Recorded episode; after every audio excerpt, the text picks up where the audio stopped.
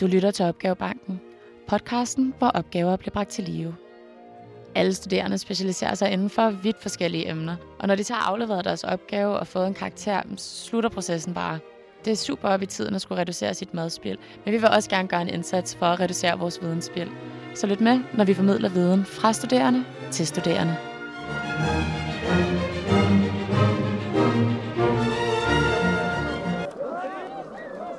Europa står i en øh, ekstraordinær situation. Presset på Europas grænser er vokset.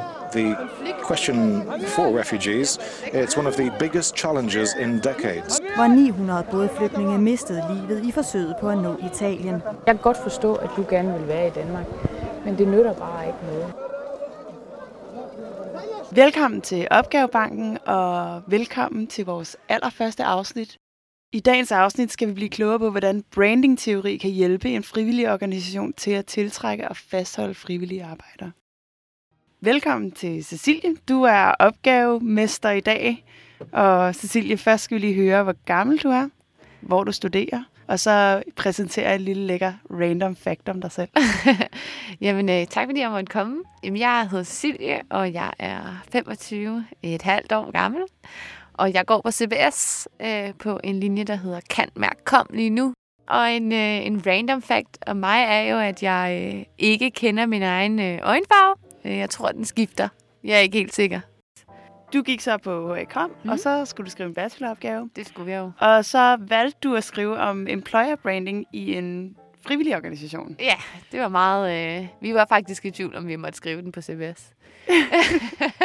Og I har jo så taget udgangspunkt i øh, Dansk Flygtningehjælp. Hvorfor valgte I den her konkrete case? Jamen, vi var jo en, øh, en gruppe på tre, som havde skrevet sammen, øh, skrevet mange gruppeeksamener sammen, fordi det er der faktisk på CBS, der minder vi ret meget om RUK.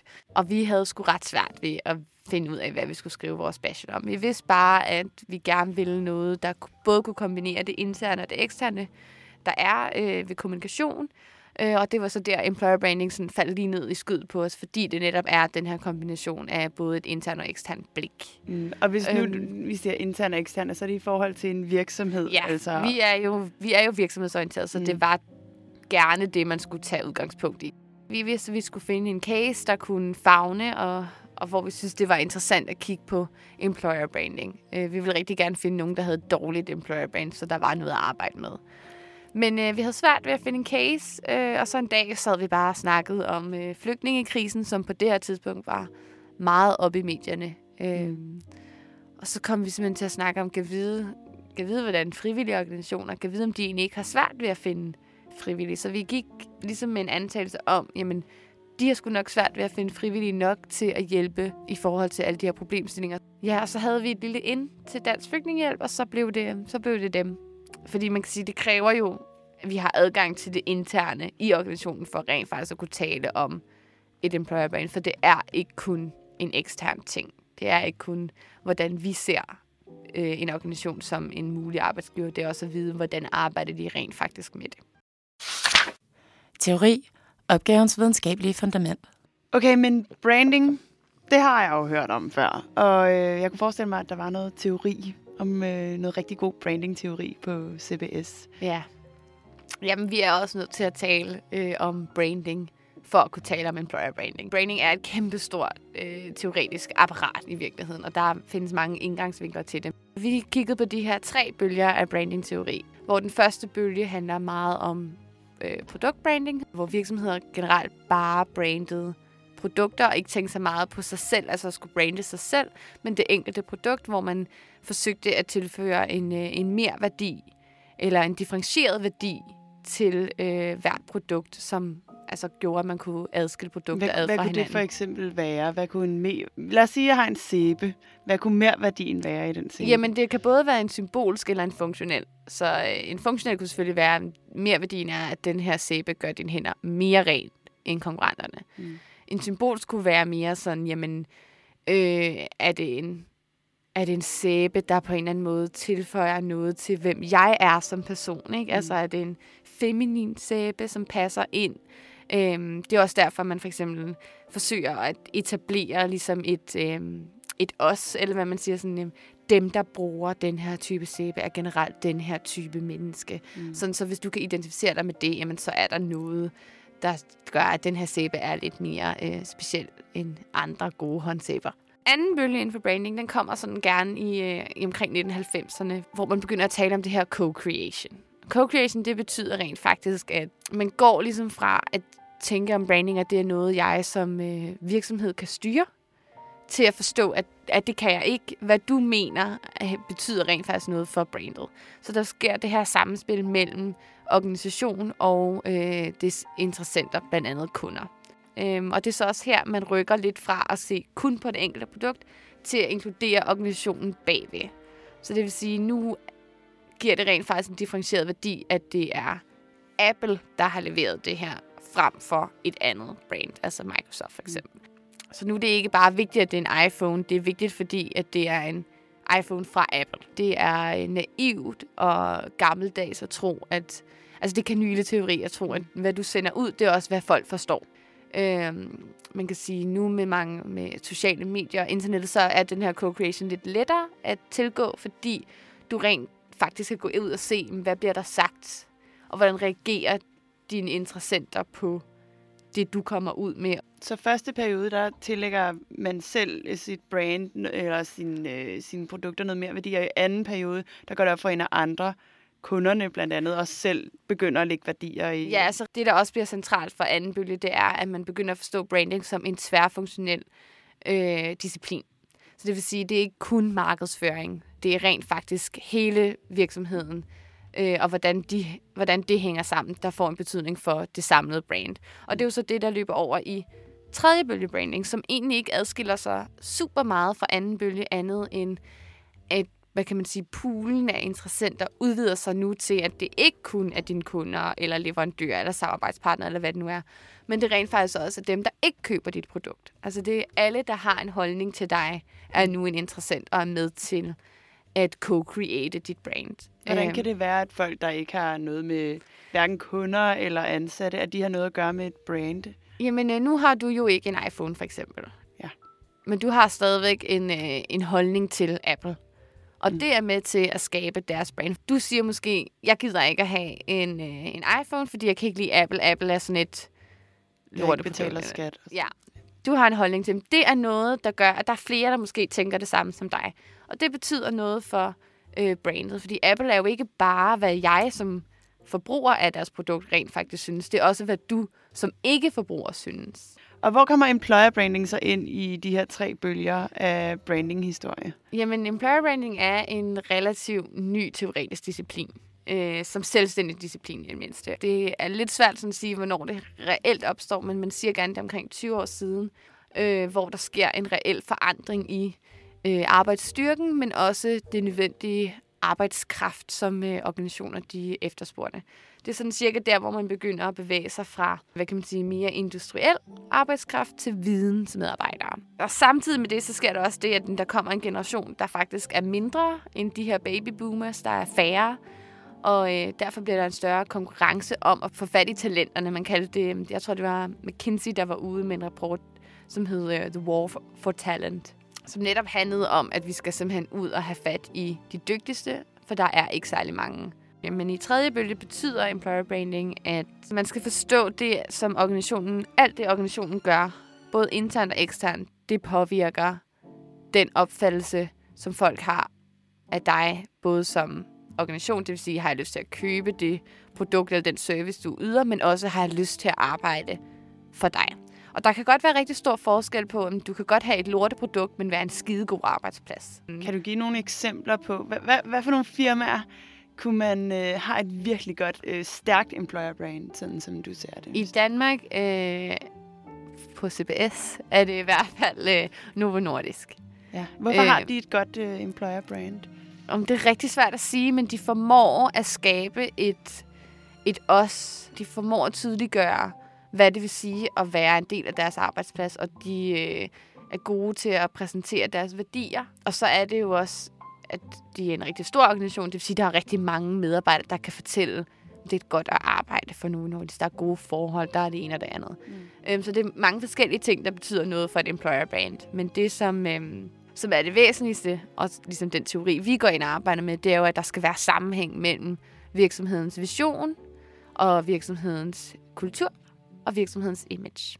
Lige præcis de tre elementer er jo en del af en model, som I har arbejdet med i jeres opgave. Ja. Og det er jo en klassiker ude på CBS. Og hvis, hvis I-modellen, hvis nu vi lige skal holde ved den, det står for Vision, Culture and Image. Og de er alle tre faktorer, der tilsammen udgør et øh, firmas brand. Og jeg har jo lært gennem jeres opgave, at vision er topledelsens brandstrategi og kerneværdier, som øh, de gerne vil genkendes på. Og culture, eller kultur, det betyder, det, det henviser til øh, medarbejderkulturen, og i øh, hvor bevidst eller ubevidst grad det ligesom øh, afspejler topledelsens vision. Og til sidst er der image, som er den måde eksterne interessenter ser firmaets brand. Og et vellykket brand har selvfølgelig en strømligning mellem alle tre faktorer, sådan så at medarbejdere, topledelsens vision og den måde, man ser firmaet på, de gerne bliver afspejlet fuldstændig ens. Mm. Så I har jo brugt employer branding, og I har brugt VCI-modellen på dansk flygtningehjælp. Ja. Hvordan og hvorfor? Hvorfor valgte I lige præcis øh, de modeller? Ja. Øh, og hvordan hjalp det ligesom til at analysere dansk flygtningehjælp? Altså, vi valgte VCI-modellen, fordi den er nem at bruge til at identificere, de, om, om tingene hænger sammen. Altså sammenhængskraften i et brand øh, mellem de her tre elementer. Og så er det jo, at den, den har den her holistiske tilgang til branding. Det vil sige, det er ikke bare branding af produkter, det er branding af hele organisationen, og i det også organisationen som et employer brand. Vi synes, at, at fordelene var, at det var en praktisk model, øh, som tager udgangspunkt i de her empiriske eksempler. Derimod så var den lidt upraktisk, fordi den tager udgangspunkt i virksomheder. Så vi skulle lige ind og sige, jamen, kan man bare bruge den på en frivillig organisation? Er det det samme? Fordi hvad er branding? Branding er ofte en, en måde at tjene penge på i virkeligheden. Øh, og det er jo ikke som sådan Dansk Flygtningehjælps ønske. De ønsker selvfølgelig at søge eller få støttekroner ind, altså donationer, men det er ikke en, øh, en for-profit virksomhed. Det er jo en non-profit. Og der skulle vi lige ind argumentere for, at det kan stadigvæk godt bruges, fordi uanset hvordan man vender og drejer det, så er det en organisation, der har et brand.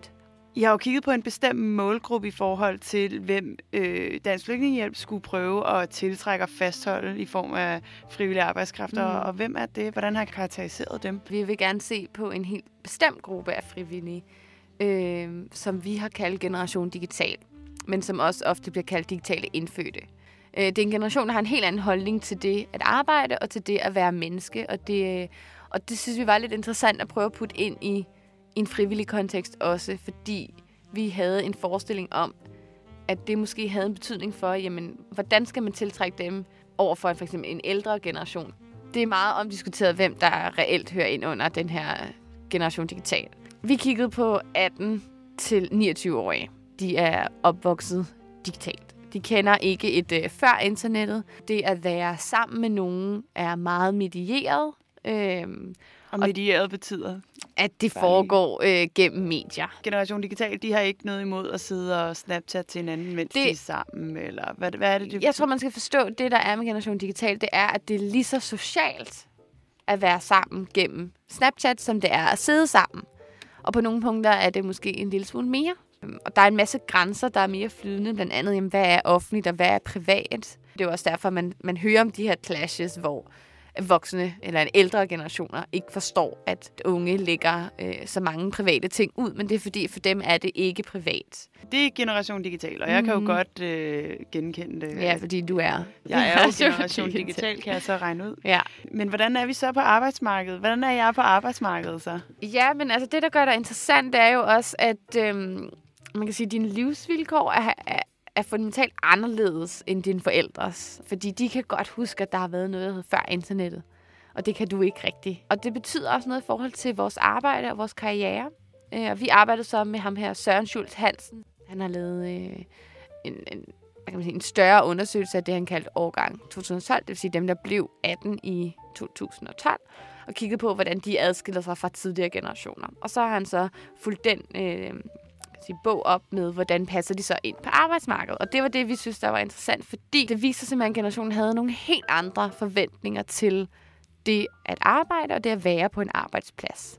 Og der var især tre centrale punkter. Det er, at lederen skal, til, skal være til at få fat på, at man skal forstå, at virkelighed og det virtuelle kan ikke adskilles, og forholdet mellem arbejde og fritid er flydende. Samtidig skal man også forstå, at det er en generation, der er meget meningssøgende. Det vil sige, at alt skal give mening, og det skal være meningsfuldt at arbejde. Det sætter nogle nye krav til det at arbejde og det at være leder og være arbejdsplads, fordi du skal kunne gå ind for den enkelte og gøre det meningsfuldt at arbejde. Så det der monotone med arbejde, det får du bare aldrig en generation digital til at udføre. I hvert fald ikke i særlig lang tid. Og så er det også en generation, der ikke er særlig lojale, fordi de tænker mere kortsigtet. Hvis du så skal stille generation digital op øh, ved siden af mine forældre og vores forældres generation, hvad betyder det så, at det skal give mening? Det, skal, det skulle vel også give mening for mine forældres øh, generation at arbejde? Jeg tror, at det handler simpelthen om, at det er meget mere selvrealiserende. Det med, at grænsen mellem arbejde og fritid er flydende, betyder rent faktisk, at arbejde bliver en større del af dit liv. Det er en måde, du identificerer dig selv på, hvor det måske for tidligere generationer reelt bare har været at, at få penge. Der gælder det nu om at have et arbejde, der, der tilføjer værdi til dit liv, hvor du kan realisere dig selv igennem. Og det er jo ikke at sige, at om sådan var der ikke nogen, der havde det tidligere, men nu er det bare meget mere kendetegnende for en hel generation. Søren Schultz Hansen præsenterer sig de her fire K'er, og det er, at det skal være klart, kortsigtet, konkret og kontekstuelt. Og hvad betyder det så? Jamen, det betyder, at, at for en generation digital, jamen, så skal der være klare rammer for arbejdet, men de her rammer skal samtidig også være fleksible. Så betyder det, at der skal være kortsigtede målsætninger. Det vil sige, at jeg hurtigt kan gå ind og få feedback på det, jeg laver, og vide, hvordan jeg klarer mig. De må ikke være langsigtede, fordi det dør vi af. Vi synes ikke, det er interessant at tænke i femårsplaner. Vi kan måske gå med til to år. Vi er også mere kortsigtede. Det konkrete og kontekstuelle, det betyder, at mening skabes på baggrund af det konkrete og det kontekstuelle. Man kan sige, at organisationens værdier betyder ikke så meget for mig som generation digital på min arbejdsplads, fordi hvad betyder, altså, det her er svært at forstå. Det er ikke konkret nok, og det, er ikke, øh, det skal være kontekstuelt i forhold til præcis det, jeg laver. Så det gælder om for lederen hele tiden at skabe mening for dig i det, du laver lige nu og her. Altså sætte det ind i den ramme, den kontekst, det er i.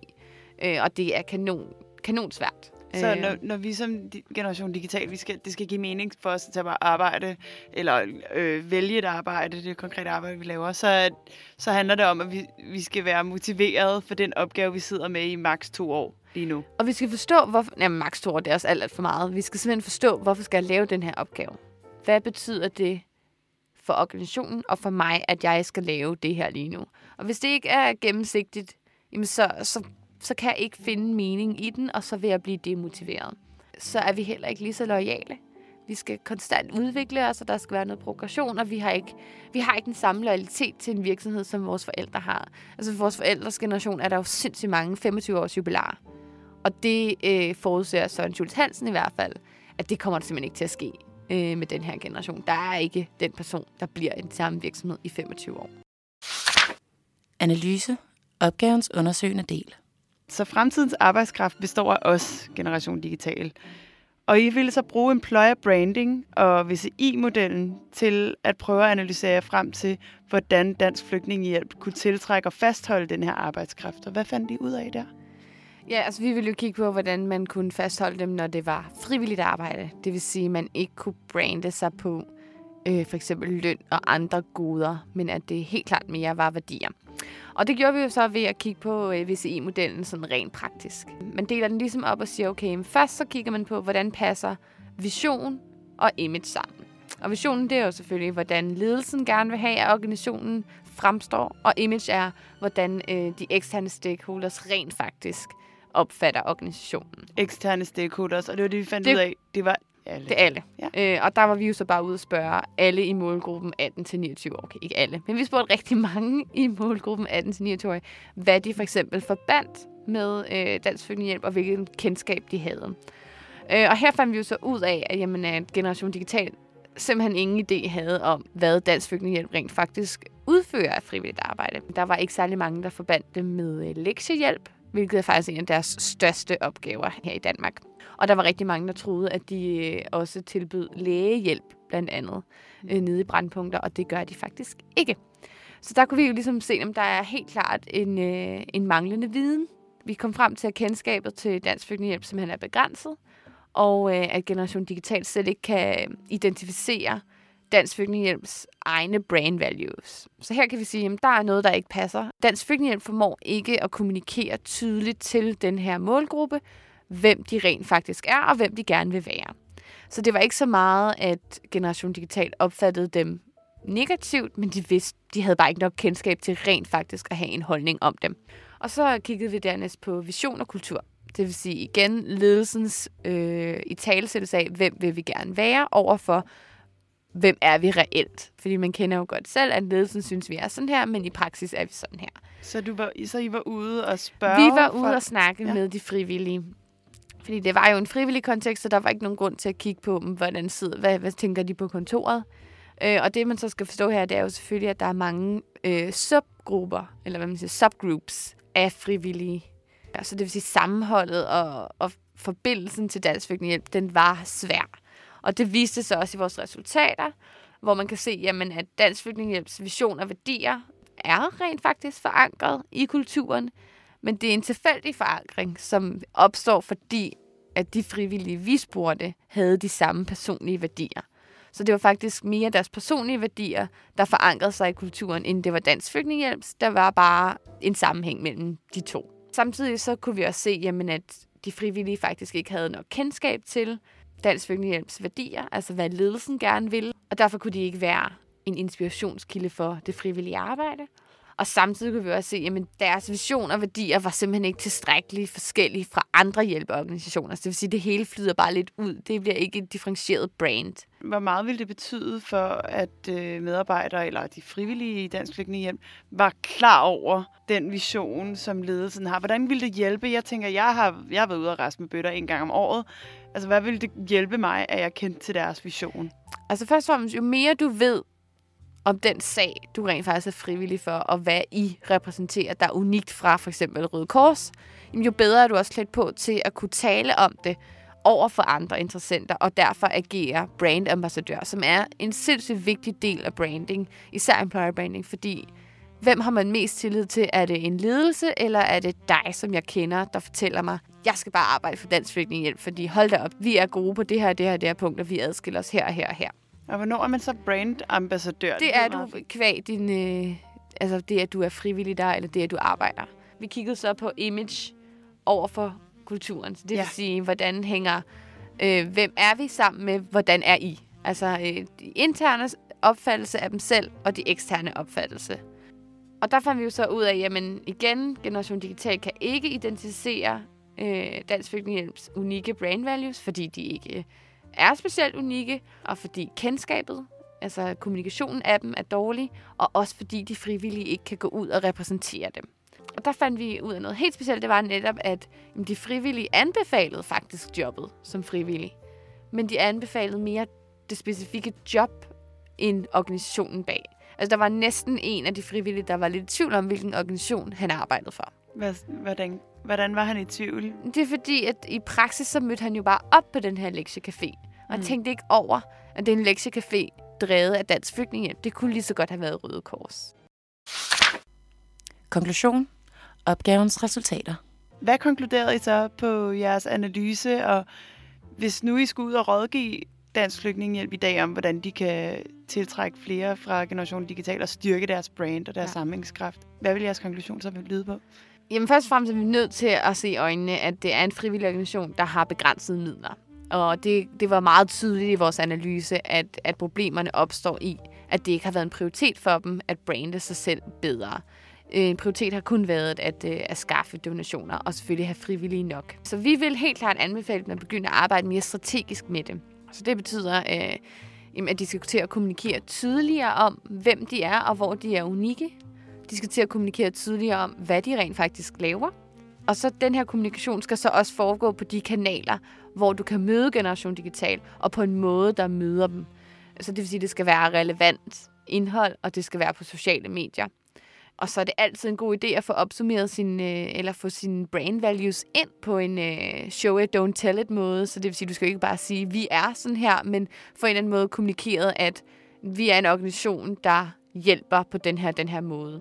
Så det var vores helt klart største anbefaling, det er, at de skal til at begynde at arbejde strategisk, og at man nemt kunne gøre det med de midler, de rent faktisk havde, fordi det var så lidt, der skulle drejes på i forhold til deres, for eksempel deres Facebook-side. Hvad skulle man konkret gøre i forhold til deres Facebook-side for at styrke deres employer brand? Det var simpelthen bare mere at poste nogle ting fra det arbejde, de gør herhjemme i Danmark. Mm. Og ikke øh, hive det op på den helt store øh, humanitære krise, men ligesom sige, hvor hjælper vi i det daglige. Og så samtidig var en af vores største anbefalinger også, at de klædte deres frivillige på. Den nemmeste måde at tiltrække flere frivillige er gennem de nuværende frivillige.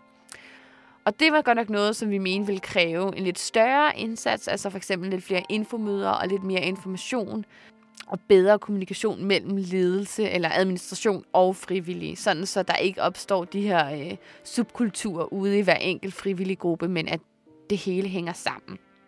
Så I har snakket meget om, at øh, hvordan de kan forbedre deres tiltrækningskraft på frivillige i Dansk Flygtningehjælp. Men hvordan fastholder de så den øh, arbejdskraft, den frivillige arbejdskraft? Ja, fordi det vi jo ligesom fandt ud af, det er, at øh, motivationen for at blive frivillig for Generation Digital er også anderledes end fra tidligere generationer. Man bliver frivillig på baggrund af personlig udvikling og lysten til at styrke sit CV. Og den er meget, øh, her var det en meget større procentdel af Generation Digital, der, der fokuserer på CV end ældre generationer. Og så fandt vi ud af, at det her med de fire K'er, som jo er gældende for arbejdspladser, er ikke på samme måde gældende for en frivillig kontekst. Men mening er stadigvæk altafgørende. Så man skal stadigvæk skabe mening i en frivillig kontekst. Og det gør man gennem symbolske værdier. Altså det vil sige, meningen opstår i, hvad er det, vi gør det her for? Hvorfor hjælper jeg lige nu på den her lektiecafé? Så det er også noget med at få sat rammen lidt tydeligere, sådan, jamen, konteksten og det konkrete, for at hjælpe den frivillige generation digital til at forstå meningen med arbejdet. Og det betyder også, at øh, når de fokuserer så meget på den personlige udvikling og CV'et, jamen, så skal opgaverne også være meningsfulde, og der skal helst være lidt ansvar. Og man skal helst gerne kunne udvikle sig i det frivillige arbejde. Så den ældre generation, de vil, heller, de vil bare gøre det af rent ideologisk lyst? Ja, eller? altså det gør Generation Digital også. De, de er motiveret af lysten til at hjælpe andre, men der er også en sekundær motivation, som fylder mere end for tidligere generationer. Og det er det her med at styrke CV'et. Så derfor så skal opgaverne være af en vis størrelse og en vis værdi. Ellers vil du kunne gøre det kortsigtet, for du skal bare have det på CV'et, men du kan blive mere langsigtet, hvis du kan se, du udvikler dig, og det giver mening stadigvæk at have på CV'et, at nu har du rykket dig. Mm. Øh, og samtidig så er øh, social samvær vigtigt på arbejdspladsen for Generation Digital, men her i en frivillig kontekst må samværet eller fællesskabet godt være medieret. Så det vil sige, at man bare mødes på en intern Facebook-side for eksempel. Det er mindre vigtigt, at man har en daglig dag med andre frivillige. Og til sidst så den her, øh, man kan sige, Generation Digitals behov for at poste og dele ting om sig selv, falder lidt, når det kommer til den frivillige kontekst, fordi der er nogle lidt mere etiske og moralske overvejelser, man tager med. Man vil jo helst ikke udstille nogen. Så der er et, et, et mindre grad af behov for at poste, men det bliver faktisk en udfordring for frivillige organisationer, fordi jamen, hvis Generation Digital deler de frivillige, jamen, så er de også med til at forme brandet.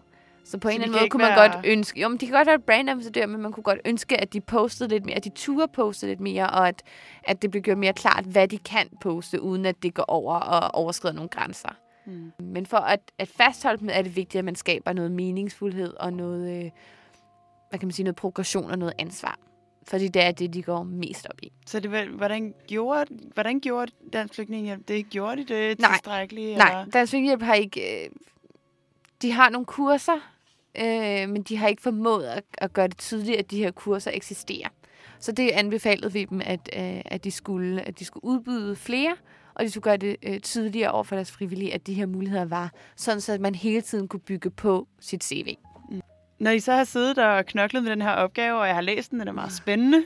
Hvad er den på? Med bilag 180 sider? Nej, 128. 128, okay. det føles som 180. ja. Det var en fed opgave.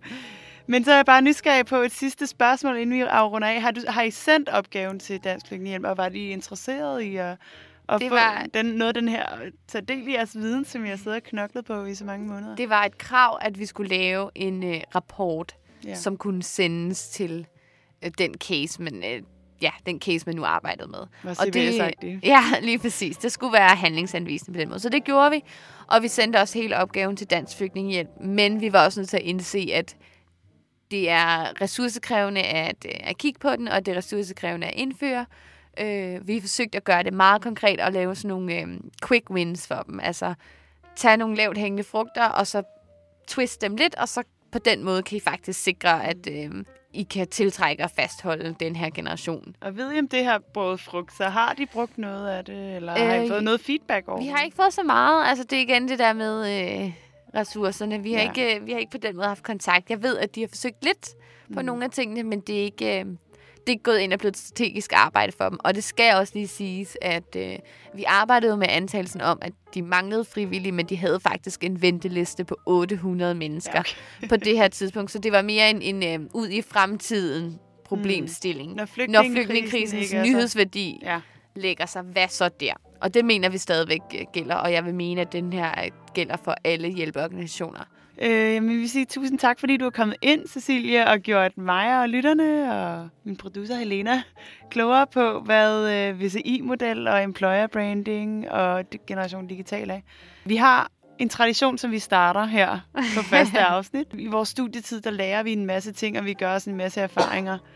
Og derfor så kunne det være fedt, hvis du havde et råd, som du kunne give videre til mig og lytterne. Et råd i forhold til det at skrive bachelor, og sikkert også speciale, som jeg også snart skal til, det er at embrace forvirringen.